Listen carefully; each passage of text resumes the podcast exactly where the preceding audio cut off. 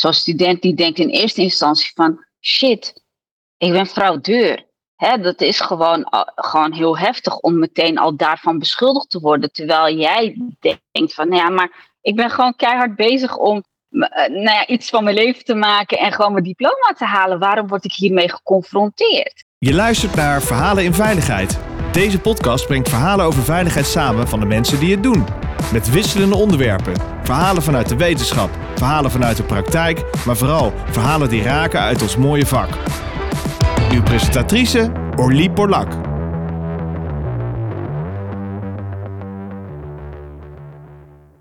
Welkom uh, luisteraars, het weer tijd voor een uh, mooie podcast. Vandaag ga ik aandacht besteden aan een thema veilig voelen en uh, inclusiviteit. En een um, tijdje geleden las ik een berichtje in de krant dat Duo onterecht studenten etnisch profileert. De krant kopte met de tekst: Studenten met een migratieachtergrond opvallend vaak beschuldigd van fraude. Veilig voelen is een breed maatschappelijk thema en met grote maatschappelijke gevolgen en gevoelens. Hoe bestuurlijke keuzes kunnen leiden tot niet-inclusief beleid, tot etnisch profileren en het schaden van mensen zonder dat dit ooit bedoeld was. Belangrijk in dit thema is achterhalen hoe het mechanisme van veilig voelen doorwerkt in keuzes die wel of niet gemaakt kunnen worden. De reden dus om vandaag daar eens wat dieper op in uh, te duiken. En vandaag uh, schenk ik aandacht aan de organisatie Duo en het thema inclusiviteit en wat de gevolgen zijn van de keuzes van Duo voor deze inclusiviteit. Ik mag spreken met een advocaat die een aantal van deze studenten die beschuldigd zijn van fraude bijstaat. Cekic. Zij staat uh, diverse studenten bij in hun geschil met uh, Duo. Cekic uh, runt al negen jaar haar eigen advocatenkantoor. En ik ben hartstikke blij dat je er bent. Welkom. Dankjewel. Ik ben ook heel blij dat ik hier aan mag deelnemen. Waar worden jouw cliënten van beschuldigd? Mijn cliënten worden beschuldigd van fraude. En uh, wat het duo eigenlijk zegt is, je hebt een uh, uitwonende beurs aangevraagd. Dus jij zegt dat jij niet meer thuis woont. Maar wij, hebben, uh, wij geloven dat niet. wij hebben controles gedaan. En jij, wij concluderen dat jij niet thuiswonend bent. Dus je gaat van een uitwonende beurs terug naar een thuiswonende beurs. Wat betekent dat alles wat jij tot nu toe hebt ontvangen, dat je dat mag terugbetalen. Plus nog een boete krijgt opgelegd van ongeveer de helft van het bedrag wat je aan te veel ontvangen studiefinanciering moet terugbetalen. En hoe komen ze bij jouw cliënten? Ja, dat is een goede vraag. Daar wordt nu uh, onderzoek naar gedaan. Maar uh, de studenten die ik destijds heb bijgestaan, die uh, vanaf nou ja, ergens in 2014 zijn begonnen. Duo, um, uit die rapportage blijkt dat Duo werkt met een, een risicoprofiel. En dan wordt gekeken naar de afstand van bijvoorbeeld de ouderlijke woning, dus het ouderlijk huis, en het adres waar je nou ja, staat ingeschreven als uitwonend. En als dat korte afstand is, dan is dat in ieder geval al één dingetje waar, waarnaar wordt gekeken. En er wordt ook gekeken bij wie je dan staat ingeschreven, of dat een familielid is. En dat zijn allemaal signalen voor DUO om daar onderzoek naar te gaan doen. En wat is een korte afstand? Waar hebben we het dan over? Een kilometer, vijf kilometer, tien kilometer? Ja, dat verschilt. Dat kan van een kilo kilometer zijn, een paar honderd meter, een kilometer of iets meer. Uh, maar vaak is het, uh, nou ja, de zaken die ik heb gedaan waren toch wel binnen een straal van, ik denk, zes kilometer.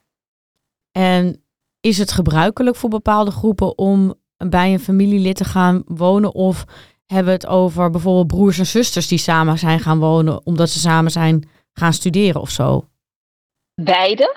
Um, ik zal even spreken vanuit, hè, ik, ben, ik heb zelf een Turkse achtergrond, dus eh, ik zal dan even spreken voor, uh, of na, tenminste, wat ik weet van de Turkse gemeenschap. En bij ons is het wel zo dat je um, uh, eerder bij een familielid gaat inwonen, of eerder bij een broer of zus die dan een eigen woning heeft, of bij een tante die een wat geruimere woning heeft. En bijvoorbeeld die nog geen kinderen heeft en waar het wat rustiger is, dan dat je nou ja, op kamers gaat wonen. En je zegt ook rustiger. Is dat ook een reden waarom jongelui uit huis uiteindelijk willen dat ze wat meer tijd en ruimte krijgen om aan hun studie te wijden? Omdat misschien heel veel broertjes en zusjes nog thuis wonen? Ja, ja, ja, de studenten die ik heb bijgestaan, daarvan waren uh, een paar bij wie dat wel een overweging was, ja. Dus eigenlijk Duo concludeert iets. Die zegt uh, op het moment dat jij dicht bij je ouders woont, is dat voor ons een red flag. Het klinkt ook wel alsof ze zich niet verdiepen in bepaalde uh, gemeenschappen. Dat, dat, dat, dat lijkt wel zo. Ik denk dat als, stel dat je zelf in Amstelveen woont en je kinderen gaan in Amsterdam uh, naar de universiteit. Ja, dan zal de afstand tussen Amstelveen en Amsterdamse Kamer misschien ook maar zes kilometer zijn, hè? Dus ja. dat, dat zal ook ja. niet een, een wereld van verschil zijn. Maar het is net een hippe binnenstad of net buiten de hippe binnenstad. Ja, ja, ja. En je zegt ook, en ze kijken ook heel erg naar die, die familiebanden. Ja. Ik kan me voorstellen dat er wel meer culturen zijn, of subculturen kan je het beter noemen, in Nederland. Ja, waarbij het gebruikelijk is dat je bij een broer of zus of een familielid gaat wonen. Komt dat bij meerdere Kijk, en daar voor? Ja, nou ja, dat denk ik wel. En dat is natuurlijk ook een stukje veiligheid. Kijk, als ik het. Ik heb nooit een uitwonende beurs aangevraagd. Maar als ik, uh, als ik voor mezelf mag spreken, dan zou ik ook eerder bij een uh, bij mijn broer of bij mijn uh, oom of tante een kamertje willen huren. Dan dat ik, dat, dan dat ik bijvoorbeeld een woning ga delen met wildvreemden. Ja. En hè, want je bent binnen een set, je kent de mensen bij wie je woont, de gebruiken, hè, het eten, het delen. Dus ja, daar zit toch wel een stukje ja, veiligheid in. Van een veiligheidscomponent wat meespeelt om eerder de keuze te maken om bij een familielid of een bekende te gaan eh, huren, dan dat je elders gaat huren. En dan heb ik het niet over nou ja, hoe groot de kans is dat je een, een kamertje kunt bemachtigen hier in Amsterdam of elders. Want dat is natuurlijk een ander, uh, ander dilemma. Nou, maar dat speelt misschien wel mee in de keuzes die uh, jonge mensen nu moeten maken. Uh, misschien was het vroeger ja. inderdaad heel ongebruikelijk dat je bij een familielid ging wonen. Heel vroeger had je nog hospita in Amsterdam. Dus dan ging je ook bij een oudere dame in huis, omdat er geen kamers waren. Nou, volgens mij gaan we ja. een beetje naar diezelfde ja, soort omstandigheden gaan we ook weer toe, want er is nu ja. ook een woningnood. Wat zijn nog meer variabelen waar Duo op zegt, dit is voor ons een, een red flag als het gaat om naar potentiële fraude? Nou ja, waar je staat ingeschreven qua opleiding. Dus waar studeer je? Hè? Waar was je ouderlijk huis? Waar studeer je? Ja, en de afstand daar, daar speelt de afstand ook een rol. Dus uh, het is, het duo vindt het niet heel erg aannemelijk als jij verder gaat wonen. Zeg maar de, de afstand tussen het ouderlijk huis en je, je school of universiteit. En de afstand tussen je nieuwe woning en je school. Hè? Als dat iets langer is, ja, dan is dat ook een red flag. Want het is niet heel erg aannemelijk dat je opeens langer gaat reizen. Hè? Of dat je ergens anders gaat wonen en dan langer gaat reizen voor je studie.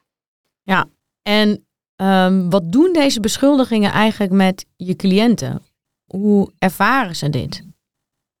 Nou ja, het is natuurlijk een enorme belasting. Kijk, ik heb uh, studenten um, en gelukkig heb ik in al mijn zaken wel een hele nou ja, mooie resultaten geboekt, zeg maar. Zowel bij DUO in de eerste fase als bij de rechtbank.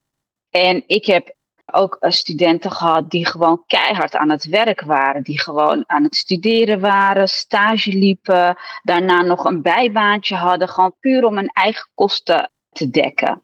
En als je dan wordt geconfronteerd met die beschuldiging van je bent een fraudeur, want dat is natuurlijk een heel groot woord, hè? Uh, je bent uh, fraude aan het plegen. En je wordt geconfronteerd met een, een boete van, nou ja, dat kan oplopen in de duizenden euro's. Hè? En dan heb ik het echt wel minimaal over 3.000, 4.000 euro. En dat kan oplopen tot 10.000 of meer. Uh, met ook nog eens een boete erbij van de helft van dat bedrag. En dan heb je zo'n student die gewoon nou ja, keihard aan het werk is om zijn vaste lasten te betalen, om lekker zijn diploma te halen en dan vervolgens te, te kunnen gaan werken. En dan word je geconfronteerd met ook nog eens een, een schuld. Nou ja, dat is heel heftig, want zij uh, hebben dan het gevoel alsof ze dan dat moment op het punt staan om te verdrinken, omdat ze toch al hè, proberen om hun eigen ehm, opleiding te betalen, vaste lasten te betalen, de huur van de woning die ze huren te betalen. En dan ook nog eens dit, ja, dan wordt het heel lastig, want ze kunnen, dat redden ze niet. En hoe zit het met hun toekomstige carrière? Blijft dit aan je kleven? Ja, tuurlijk. Zo'n schuld heb je niet meteen afbetaald. Ik bedoel, wat, wat, wat, wat houdt een student over ongeveer? Hè, als je ook nog eens stage loopt en ook nog eens uh, een bijbaantje hebt. Hè, ik bedoel, je moet je eten betalen, je kleren betalen. Uh, wellicht iets extra's. Je wil een keer op vakantie, je wil een telefoon of iets anders aanschaffen. Dus zo'n schuld die blijft een hele lange tijd staan. Maar ik bedoel ook juridisch. Bijvoorbeeld stel dat je straks voor de overheid wil werken of je wil advocaat worden. En dan gaan mensen gaan vaak onderzoek naar je doen, hè? een achtergrondstudie. Er zijn heel veel banen waar je tegenwoordig een verklaring voor goed gedrag moet hebben. Als je bij Defensie wil werken, krijg je echt een deep search over uh, je reilen en zeilen in je verleden. Wat gebeurt er met de studenten die nu beschuldigd zijn van fraude in hun gewoon toekomstige carrièrepad? Nou, ik uh, denk niet dat ze daar uh, problemen mee zullen krijgen bij het krijgen van een verklaring omtrent gedrag. Uh, want het is natuurlijk niet iets strafrechtelijks. En um, ik heb tot nu toe nooit gehad dat een student bij mij is teruggekomen en heeft gezegd van ik kom niet meer aan de bak, want ik krijg geen VOG omdat ik nog een studieschuld heb openstaan. Dus dat heb ik nog niet meegemaakt. Ik verwacht ook niet dat daar problemen van zullen komen. Maar goed, ja, daar durf ik eigenlijk nog niets over te zeggen. Want ik heb het nog niet gezien dat, dat, dat zoiets is gebeurd. Nee, want dat, dat zou mijn zorg zijn van je moet en dat geld terugbetalen, maar je hebt ook de stempel fraudeur in één keer gekregen. En wat doet dat met je geloofwaardigheid strakjes op de arbeidsmarkt? Kunnen mensen dat, die data dan opvragen? Hè? Kunnen mensen weten dat dit aan je kleeft? Ja, en dan sta je eigenlijk bekend als een niet integer persoon. Ja, ja ik denk niet dat, dat bedrijven waar je hebt gesolliciteerd, die kunnen niet uh, daar achter komen. Er is niet iets waar je dat, uh, of dan zou je wel heel ver moeten gaan zoeken en dingen moeten gaan opvragen. Maar ik denk niet dat toekomstige werkgevers zo ver uh, gaan dat ze dit proberen te achterhalen. Het enige waar ik, wat, wat nu in mij naar boven komt, is wellicht dat je straks, hè, als je een goede baan hebt en Dio zegt, hé, hey, maar jij kan eigenlijk wel meer betalen, dat je daar dan een beetje gezeur mee krijgt. Um, en hè, dat uh, Dio dan gaat zeggen, nou kom maar op, uh, ga maar even wat meer betalen, de termijnbedragen mogen omhoog of betaal het maar in één keer. Maar ik zie nog niet zo snel directe problemen met de werkgever. Nou, dat, eh, dat zou dan een risico zijn misschien in de toekomst. Als die data van uh, Duo ook op straat komt te liggen. En er hele lijsten van nieuw startende mensen op de arbeidsmarkt uh, bekend worden van wie er ooit beschuldigd is van fraude. Ja. Hoe groot is het risico als computers dit soort werkwijzen hanteren? Want ik kan me voorstellen dat het geen mens is die, die jouw cliënten ertussenuit pikt. Maar dat het een algoritme is van, van Duo waarvan de computer gewoon zegt, uh, hier heb je honderd namen en die uh, voldoen aan het risicoprofiel. Hoe gaan zij dan te werk? Komen zij daar nog langs? Toetsen zij nog of, die, of dat algoritme correct is? Hoe, hoe, wat is ongeveer de werkwijze van Duo? Wat, wat Duo dan uh, doet, is dat ze op huisbezoek komen. En dat is uiteraard onaangekondigd. En uh, uh, nou ja, dan komen ze langs en uh, vaak treffen ze dan niemand, omdat er niemand thuis is. Iedereen is aan het werk of weet ik het, op school.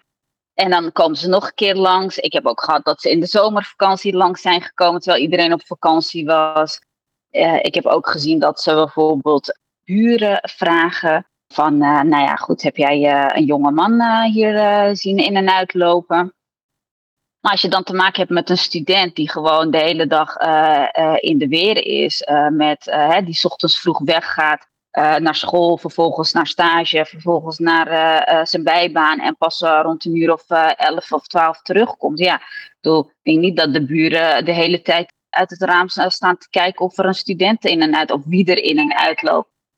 die zijn, de buren zijn meestal bekend met de officiële, of degene die daar de, hoofdbewoner, om het zo maar te zeggen.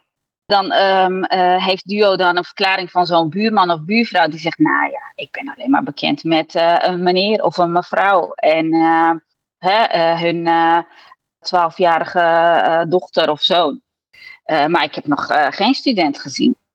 Dat is dan wat ik voornamelijk heb gezien, is dat het dossier van Duo echt, nou ja, ik vind het heel erg onzorgvuldig opgesteld. Uh, hè, je beschuldigt iemand van fraude. Dat betekent dat je, jij bent degene die daar zorgvuldig onderzoek naar moet doen. Hè? Als jij zegt van jouw uitwonende beurs gaat terug naar een inwonende of thuiswonende beurs en jij moet daar zoveel voor betalen, dan moet je uh, wel van goede huizen komen en een goed dossier hebben die dat besluit kan dragen. En nou ja, in, de, de, in de dossiers die ik heb gezien, dan is het zo mager. Ik bedoel, je kan niet afgaan op een verklaring van een buurman die enkel dat verklaart. Terwijl je aan de andere kant een student hebt die gewoon kan aantonen waar die de hele dag uh, uithangt. Uh, dat heb je. Je hebt ook dat uh, duo wel binnenkomt. en wel vraag stelt en dan gaat kijken naar uh, waar uh, slaapt de student dan. En dat wordt dan aangetoond, hè, van nou hier slaapt hij, dit zijn zijn spullen. En dan uh, zegt Duo, ja, maar ik kan hier niet uit opmaken of deze kleren van de student zijn of van jouw zoon of van jouw dochter. Dus, en dan zo mager. En dan ga je dus in je beroepsschrift, ga je daar heel gedetailleerd op in. Door te zeggen van, nou ja, misschien had Duo even wat uh, kledingstukken naast elkaar kunnen neerleggen. Of even hè, uh, uh, wat dieper onderzoek kunnen doen. En nou ja, in die zaken gaat de rechtbank dan ook wel met mij mee. En die zegt, nou, dit vind ik een beetje te magertjes. Dus het besluit kan niet worden gehandhaafd. Dus dat is hun voornaamste taak, is eigenlijk aantonen dat die persoon daar ja. niet woont. Uh, uh, en daar gaan ze buren voor interviewen. Ze gaan er letterlijk de kamer bekijken. En dan concluderen ze die persoon woont hier wel of niet. Ja. En hoeveel bewijs uh, lever je dan uiteindelijk aan om aan te tonen dat iemand daar wel leeft? Ga je dan, moet je dan letterlijk foto's komen brengen of zo? Hoe, hoe, hoe, hoe zit dat dan? Nou ja, wat je gaat doen is je gaat schieten op het rapport. Dus hè, dat, uh, wat zij hebben, een, een bepaald dossier, die vraag je op. Van nou oké, nou ja, wat voor onderzoek hebben jullie gedaan? Wat, wat, welke vragen heb je gesteld? Waar heb je precies gekeken? Uh, en als dan blijkt dat de student ergens anders nog dingetjes had, of dat ze bepaalde dingen niet hebben gezien of niet hebben gevraagd, dat zijn dan alvast dingen die je in je bezwaar of beroepsschrift kunt aanvoeren. Nou ja, dan kan je aantonen dat zo'n student de, die een rooster in van, nou ja, dit is een rooster geweest in die periode. Uh, hier is een arbeidsovereenkomst, hier zijn salarisspecificaties of het rooster hè, van uh, dat hij uh, heeft gewerkt, die stage heeft gelopen. Ik heb nog eens een keer gehad een student die voornamelijk zijn boeken in de auto bewaarde omdat hij dat nodig had. En dat was dus zo'n student die heel druk in de weer was. En waarvan ik dus ook een, een verklaring van een docent of een decaan hebben opgevraagd. Want die wist hoe uh, goed die student bezig was. En ook dat hij zijn boeken in de auto had, want die had het zelf gezien. Dus heb ik ook een verklaring van een decaan opgevraagd. Van, joh, kun je verklaren dat je hebt gezien dat hij zijn boeken gewoon in zijn auto heeft? Nou ja, en dat is dan wel, uh, dat zijn dan dingen die je uh, als bewijs kunt indienen. En we begonnen dit gesprek ook een beetje met de link naar eigenlijk inclusie, hè? En we hebben natuurlijk in de afgelopen periode wel vaker gehoord dat uh, overheidsdienstverleningen uh, etnisch profileren. Wordt dat ook door jouw cliënten zo ervaren? Wordt het echt ervaren als een systeem wat discrimineert? Uh, niet meteen. Want zo'n student die denkt niet van, oh, maar mijn Hollandse medestudent die is ook onderzocht. Hè? Dat weet je niet. Of, dat, wie, of er ook Hollandse studenten met een uh, of die worden onderzocht door uh, DUO. Zo'n student die denkt in eerste instantie van shit, ik ben fraudeur. Hè, dat is gewoon, uh, gewoon heel heftig om meteen al daarvan beschuldigd te worden. Terwijl jij denkt van nou ja, maar ik ben gewoon keihard bezig om nou ja, iets van mijn leven te maken en gewoon mijn diploma te halen. Waarom word ik hiermee geconfronteerd? Nee, het is niet het eerste wat bij hen opkomt van oh, misschien word ik wel gediscrimineerd. En later, als we dan die krantenkoppen lezen, want dat was de aanleiding voor ons ja. gesprek. Wat doet het ja, dan nu, later? Nu wel, nu wel. En zoals ik net al, al zei, hè, ik, heb, ik ben na uh, dat berichtje in het nieuws hierover, ben ik heel veel gebeld door studenten die nu wel zeggen van wow, ik voel me, ik voel me gediscrimineerd. Dit is gewoon heel oneerlijk. Ja. En doe dat ook wat met hun vertrouwen richting de overheid? Absoluut. Absoluut, ja, tuurlijk. Ik bedoel, als jij. Kijk, en ik geloof, er zijn, zullen ook genoeg gevallen zijn waarbij Duo uh, wel gelijk had. Mensen wel hebben gewoon gefraudeerd. Hè? Maar het is natuurlijk wel opvallend dat alleen maar uh, studenten met een migratieachtergrond naar voren komen en die vaker worden aangepakt. Dus als je dat nu te horen krijgt, ja, wat, dan is het uh, niet echt aannemelijk dat je dat vertrouwen nog kunt hebben. Dus dat, dat speelt wel. En ik denk, de hè, studenten spreken dat misschien niet zo snel uit. Maar ik denk dat als je in gesprek zou gaan met al die studenten hè, en uh, uh, gaat vragen van joh, maar wat, wat doet dit nu met je? Ik denk dat die vraag nu moet, zou moeten worden gesteld uh, aan studenten. Want toen ik bezig was met de zaken, dan ga je gewoon kijken van oké, hoe ga ik dit, uh, uh, dit winnen? Hè? Wat zijn die juridische mogelijkheden? En hoe kan ik ervoor zorgen dat deze student gewoon van dat besluit afkomt? Maar ik denk dat als je de vraag nu stelt aan studenten, dat er heel wat naar boven zal komen. En ik ben natuurlijk ook wel benieuwd, want ik heb geen contact meer met de studenten die ik tien jaar geleden heb bijgestaan of negen jaar geleden heb bijgestaan. Maar het, het zou wel mooi zijn om te horen hoe dat, uh, nou ja, wat dat nu met ze doet als ze dit nu weten. Dat denk ik ook. Het zou een heel interessant gesprek zijn om te kijken wat zo'n beschuldiging ook doet in je latere carrière. En met jouw uh, gevoel om bij een samenleving te horen en bij te dragen aan een samenleving. Ja. Absoluut, absoluut. Hartelijk dank voor deze mooie podcast. En, uh, ja, graag gedaan. Ja, heel erg Jij ook bedankt. ja. Alsjeblieft. Je luisterde naar Verhalen in Veiligheid. Wil je niks missen van deze podcast? Abonneer je dan op deze podcast in je favoriete podcastplatform. Of laat een recensie achter via Apple Podcast. Dank voor het luisteren. Graag tot de volgende.